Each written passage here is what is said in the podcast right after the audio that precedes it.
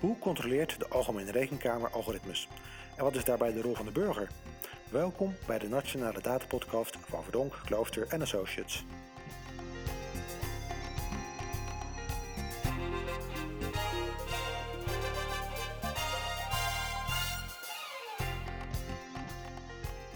Welkom bij de Nationale Datapodcast, de podcast met inspirerende gasten en inzichten over het gebruik van data, algoritmes en artificiële intelligentie in de publieke sector. Mijn naam is Christian Vagen en mijn gast vandaag is Miranda Pikowski, onderzoeker en projectleider van het onderzoek Aandacht voor algoritmes bij de Algemene Rekenkamer. Welkom. Dankjewel. Leuk om je te gast te hebben.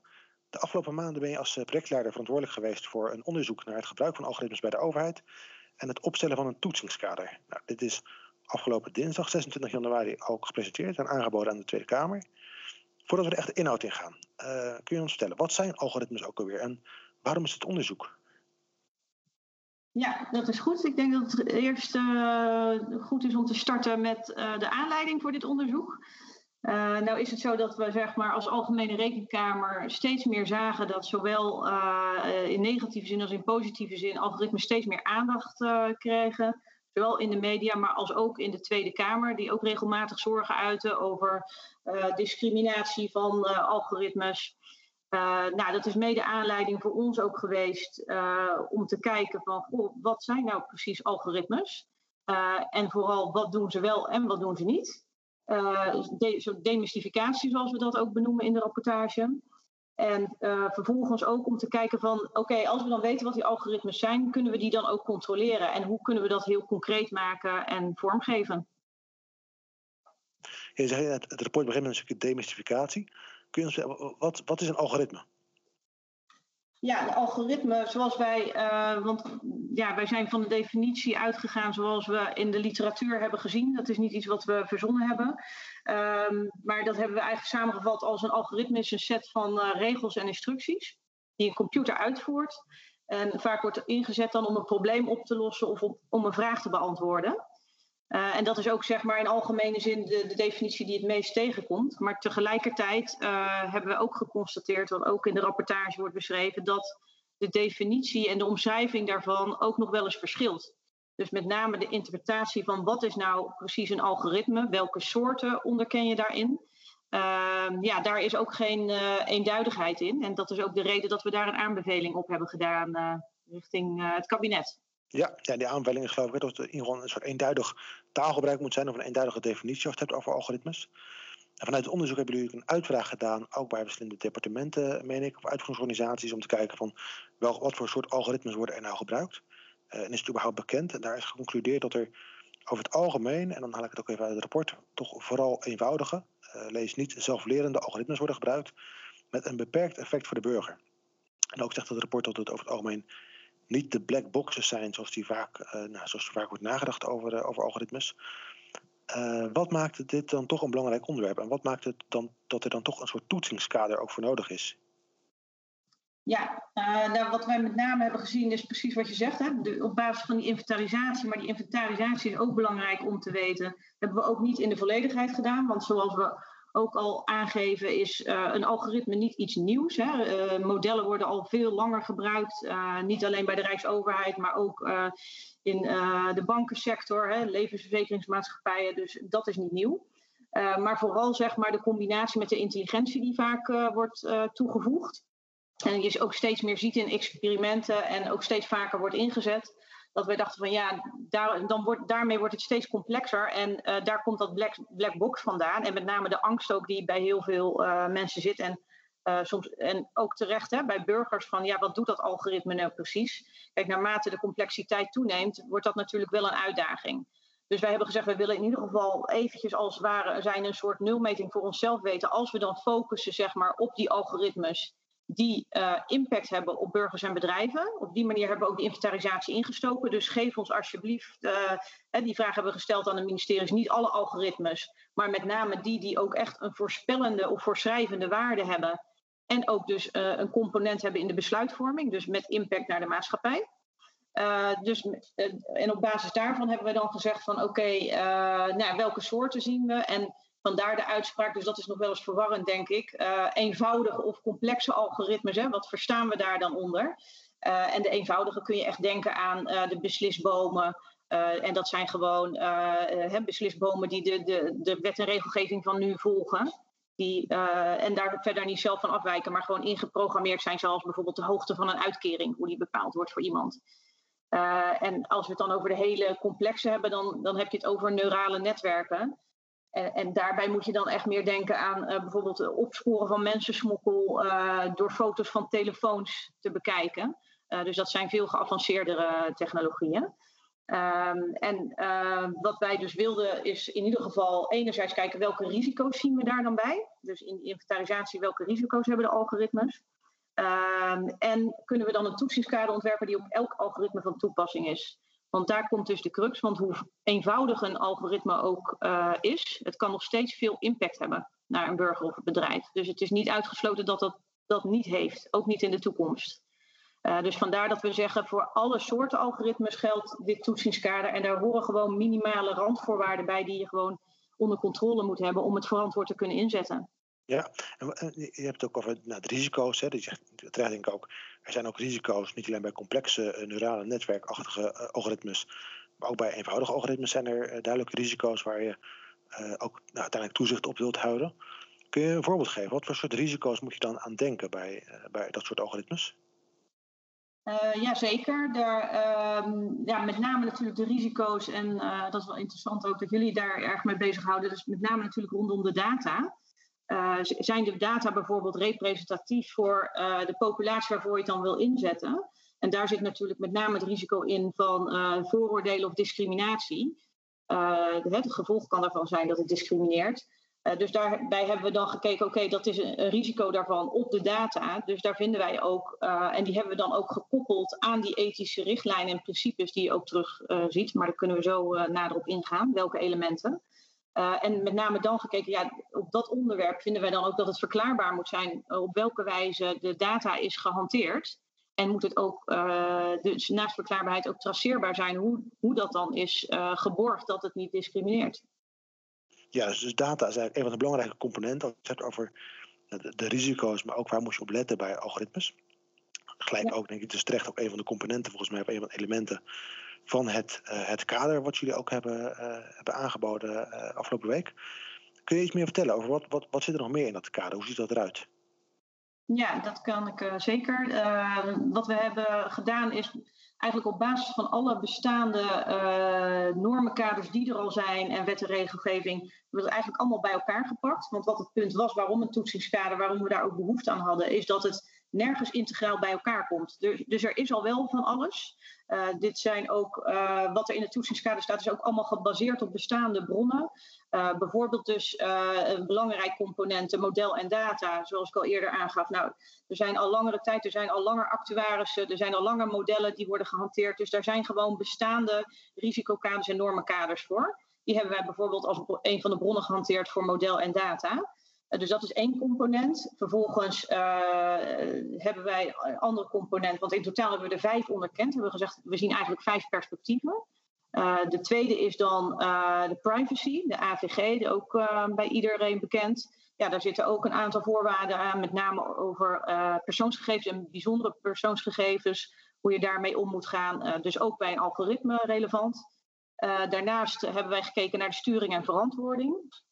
Uh, als derde component, ja, waar kan je dan aan denken, los van het feit dat je zegt van nou, daar zou je dus ook uh, je managementcyclus op uh, moeten hebben qua sturing en verantwoording, geldt er ook van op welke wijze is bijvoorbeeld een uitbesteding geregeld. Contracten met externe partijen, eigendomsrechten. dus dat, dat soort elementen kun je aan denken bij dat onderwerp. Vervolgens hebben we nog gekeken naar de IT General Controls. En dat is in die zin uh, hebben we daar met name even uitgetild wat dan ook weer relevant is voor algoritmes. En dan moet je denken aan uh, de logische toegangsbeveiliging. Dus wie kunnen er allemaal bij het algoritme zelf? Wie kunnen het model aanpassen? De andere data daarin zetten. Dus met name die rechten daaromheen. Dus dat is ook een van de belangrijke componenten daarin. en dan als laatste, maar zeker niet de minste, en dat is de ethiek. En uh, met name toen we op daarnaar keken, en daar is het ethisch raamwerk vanuit de EU een belangrijke bron voor geweest. Mhm. Wat je daar ziet is op het moment dat je dus al die andere vier perspectieven beetpakt, dan raakt dat bijna altijd een van de ethische principes. Dus wat wij hebben gedaan in het toetsingskader is de koppeling gemaakt van die ethische principes en richtlijnen met die andere vier elementen. En dat is ook op onze site in het online toetsingskader kan iedereen dat ook zien. Hebben we bewust ook dus die verbinding uh, daartussen gelegd. Uh, ja, en kun je dus zelf als controleur dat ook uh, heel praktisch hanteren. En wat, wat is jullie, jullie hebben een goed beeld gekregen nu van de type algoritmes die er zijn, maar ook in welke mate dit soort aspecten ook op het netvlies staan, bij bestuurders bijvoorbeeld. Ehm, in welke mate staat ethiek zeg maar, ook voldoende op het netvlies? Ja, je ziet uh, in de gesprekken komt dat absoluut uh, naar voren. Dat is natuurlijk ook niet voor niks, want er wordt veel over, uh, over, gesproken. Zeker bij de Rijksoverheid zie je natuurlijk ook best wel een aantal casussen. Nou, toeslagenaffaire is heel recent. dus het staat echt wel allemaal op het netvlies bij iedereen en bij de ambtenaren ook. Maar de crux zit hem wel in van de verklaarbaarheid en transparantie. Hè, dus de vastlegging daarvan en het volgen daarvan, hoe dat is geregeld in het algoritme, zien wij dat weinig terug. Uh, dus wij kunnen daar niet vaststellen welke waarborgen nou zijn getroffen om dit uh, goed te ondervangen. Dus... En ja, nu is het onderzoek natuurlijk vooral gedaan ook op basis van nou, de waarborgen. En kun je ook inderdaad achteraf aangeven of je in controle bent, bijvoorbeeld ten aanzien van je algoritmes. Maar hoe, wat is de bedoeling van het, van het toetsingskader? Is dat de bedoeling dat het ook vooral zeg maar, achteraf gebruikt wordt om goed inzicht te krijgen en heb je, uh, ben je in controle? Of zit er ook een soort werking in dat je vooraf gaat nadenken over wat zijn ontwerpcriteria bijvoorbeeld voor algoritmes? Ja, mooi dat je dat vraagt, want ook hierin merken we dat dat ook verschillend wordt gelezen, ook door de term toetsingskader. wij hebben bewust deze term hier aangegeven omdat we, het geen normenkader is. Wij zijn een controlerende onafhankelijke instantie en wij schrijven niet de norm voor, zeg maar, zoals de ministerie en de overheidsinstanties dit zelf moeten regelen. Niettemin zagen wij natuurlijk ook dat de kwaliteitsbeheersing erg in de kinderschoenen staat op het onderwerp algoritmes. Dat kun je ook teruglezen in het rapport. dus wij hopen hiermee ook een aanjaagfunctie te creëren door het handvat wat we zelf zochten als auditors om te kunnen controleren. Daar is dit toetsingskader primair voor bedoeld. Dus echt voor de controleurs en auditors. Um, maar dat neemt niet weg dat je dit natuurlijk als input kunt gebruiken voor, als, uh, kwaliteit, voor kwaliteitseisen aan de voorkant. Uh, ja, want wij geven eigenlijk hiermee heel transparant aan uh, welke risico's wij nu al zien en waar wij ook naar gaan kijken en zullen gaan beoordelen in de toekomst. Ja, en nu is de rol van de, Algemene Rekenkamer door een, een toezichthouder, ook een controlerende rol.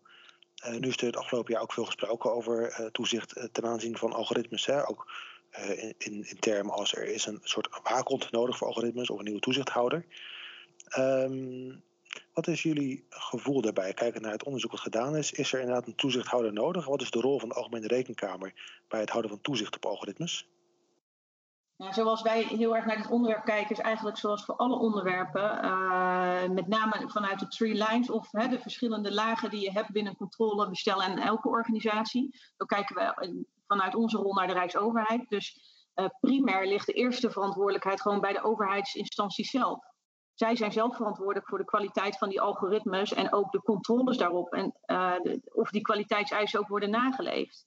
Kijk, daarna hebben wij ook binnen de uh, Rijksoverheid een uh, auditdienst Rijk. Dus zij hebben daar ook zeker een rol in. En nou, daar trekken wij ook in die zin wel gezamenlijk mee op van hoe kunnen we toetsen. We beide als auditors hierin acteren. Um, en daarnaast, dus in die zin volg je die lijnen gewoon. En inderdaad pakken wij onze taak ook gewoon hierin op. Zoals we normaliter ook altijd onze taak uitvoeren op alle financiële processen en bedrijfsvoeringsprocessen waar we uh, vooropgesteld staan, uh, zie je nu gewoon dat die algoritmes nu een stukje vervangen in die processen die al bestaan en die we dus al bekeken. Alleen maakt dit, deze techniek uh, ja, ondervangt soms een stukje van dat proces. Dus wij moeten ons ook op dit onderwerp bekwamen, want wij, wij hebben nog steeds als taak om die processen te beoordelen en daar iets van te vinden. En je ziet gewoon dat de techniek daar een steeds grotere plek in neemt. Dus wij vonden het ook nu eigenlijk het moment om in te stappen en te zeggen: ja, laten we dan alsjeblieft alvast een voorzet doen. Het toetsingskader is ook zeker niet af. Hè. We doen hiermee als het ware een aanzet, omdat uh, we ook merken dat ook de Nederlandse beroepsorganisatie voor auditors hier ook uh, mee worstelen. van jongens, laten we alsjeblieft met z'n allen de krachten bundelen. We zijn allemaal uh, met dit onderwerp bezig en zoekende. Uh, en wij hopen hiermee dit uh, gewoon aan te jagen. En ja, vooral dat mensen het verder gaan brengen. En zeker ook andere organisaties. Ja, ja, heel mooi. Je zegt eigenlijk ook heel mooi van de techniek neemt een stukje ook van de processen over. Hè? Misschien ook wel van het, het menselijk handelen. dat is ook iets wat voor een deel ook nieuw is misschien wel binnen de overheid. En daar zitten ook risico's eraan een van de risico's die jullie hebben geconcludeerd, of jullie aangeven ook in het rapport, dat is ja, dat die burger daarbij meer centraal moet komen te staan. Hè? Dus eigenlijk dat je ook nu misschien onvoldoende centraal uh, staat. Kun je daar iets meer over vertellen? Wat betekent dat en hoe kun je nou de burger meer centraal zetten bij uh, algoritmes? Ja, eigenlijk op, verschillende manieren. Dus eigenlijk door uh, uh, in eerste instantie wat we zeggen, hè, ook alle relevante disciplines te betrekken aan de voorkant al bij de ontwikkeling van een algoritme. Die dus ook vanuit de verschillende perspectieven, dus ook vanuit een burgerperspectief meekijken bij de ontwikkeling van een algoritme. Dat is ook een van de aanbevelingen.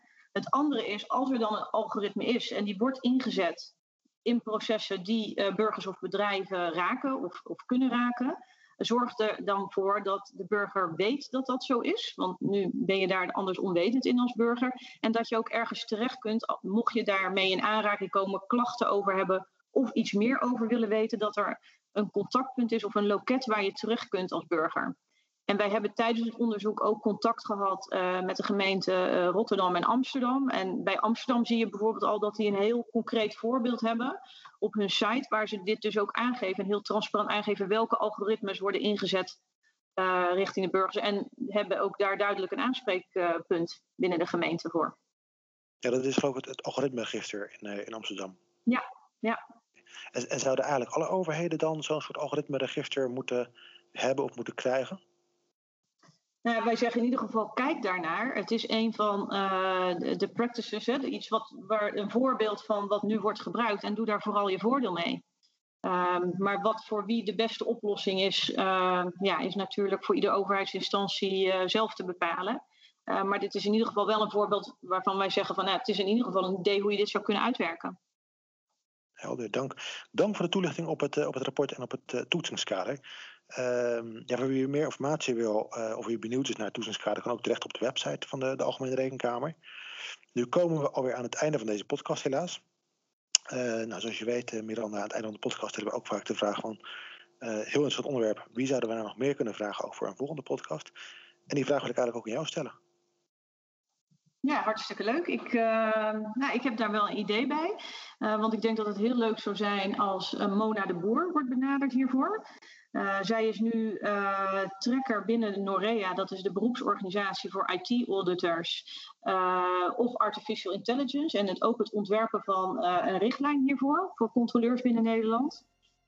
en zij is ook aan het promoveren op assurance voor algoritmes. Dus ook zeker interessant om met haar in gesprek te gaan. Dankjewel, dankjewel voor deze suggestie. En het lijkt me zeker interessant. Dus we gaan haar ook uitnodigen voor een, voor een volgende podcast. Nogmaals dank. Graag gedaan.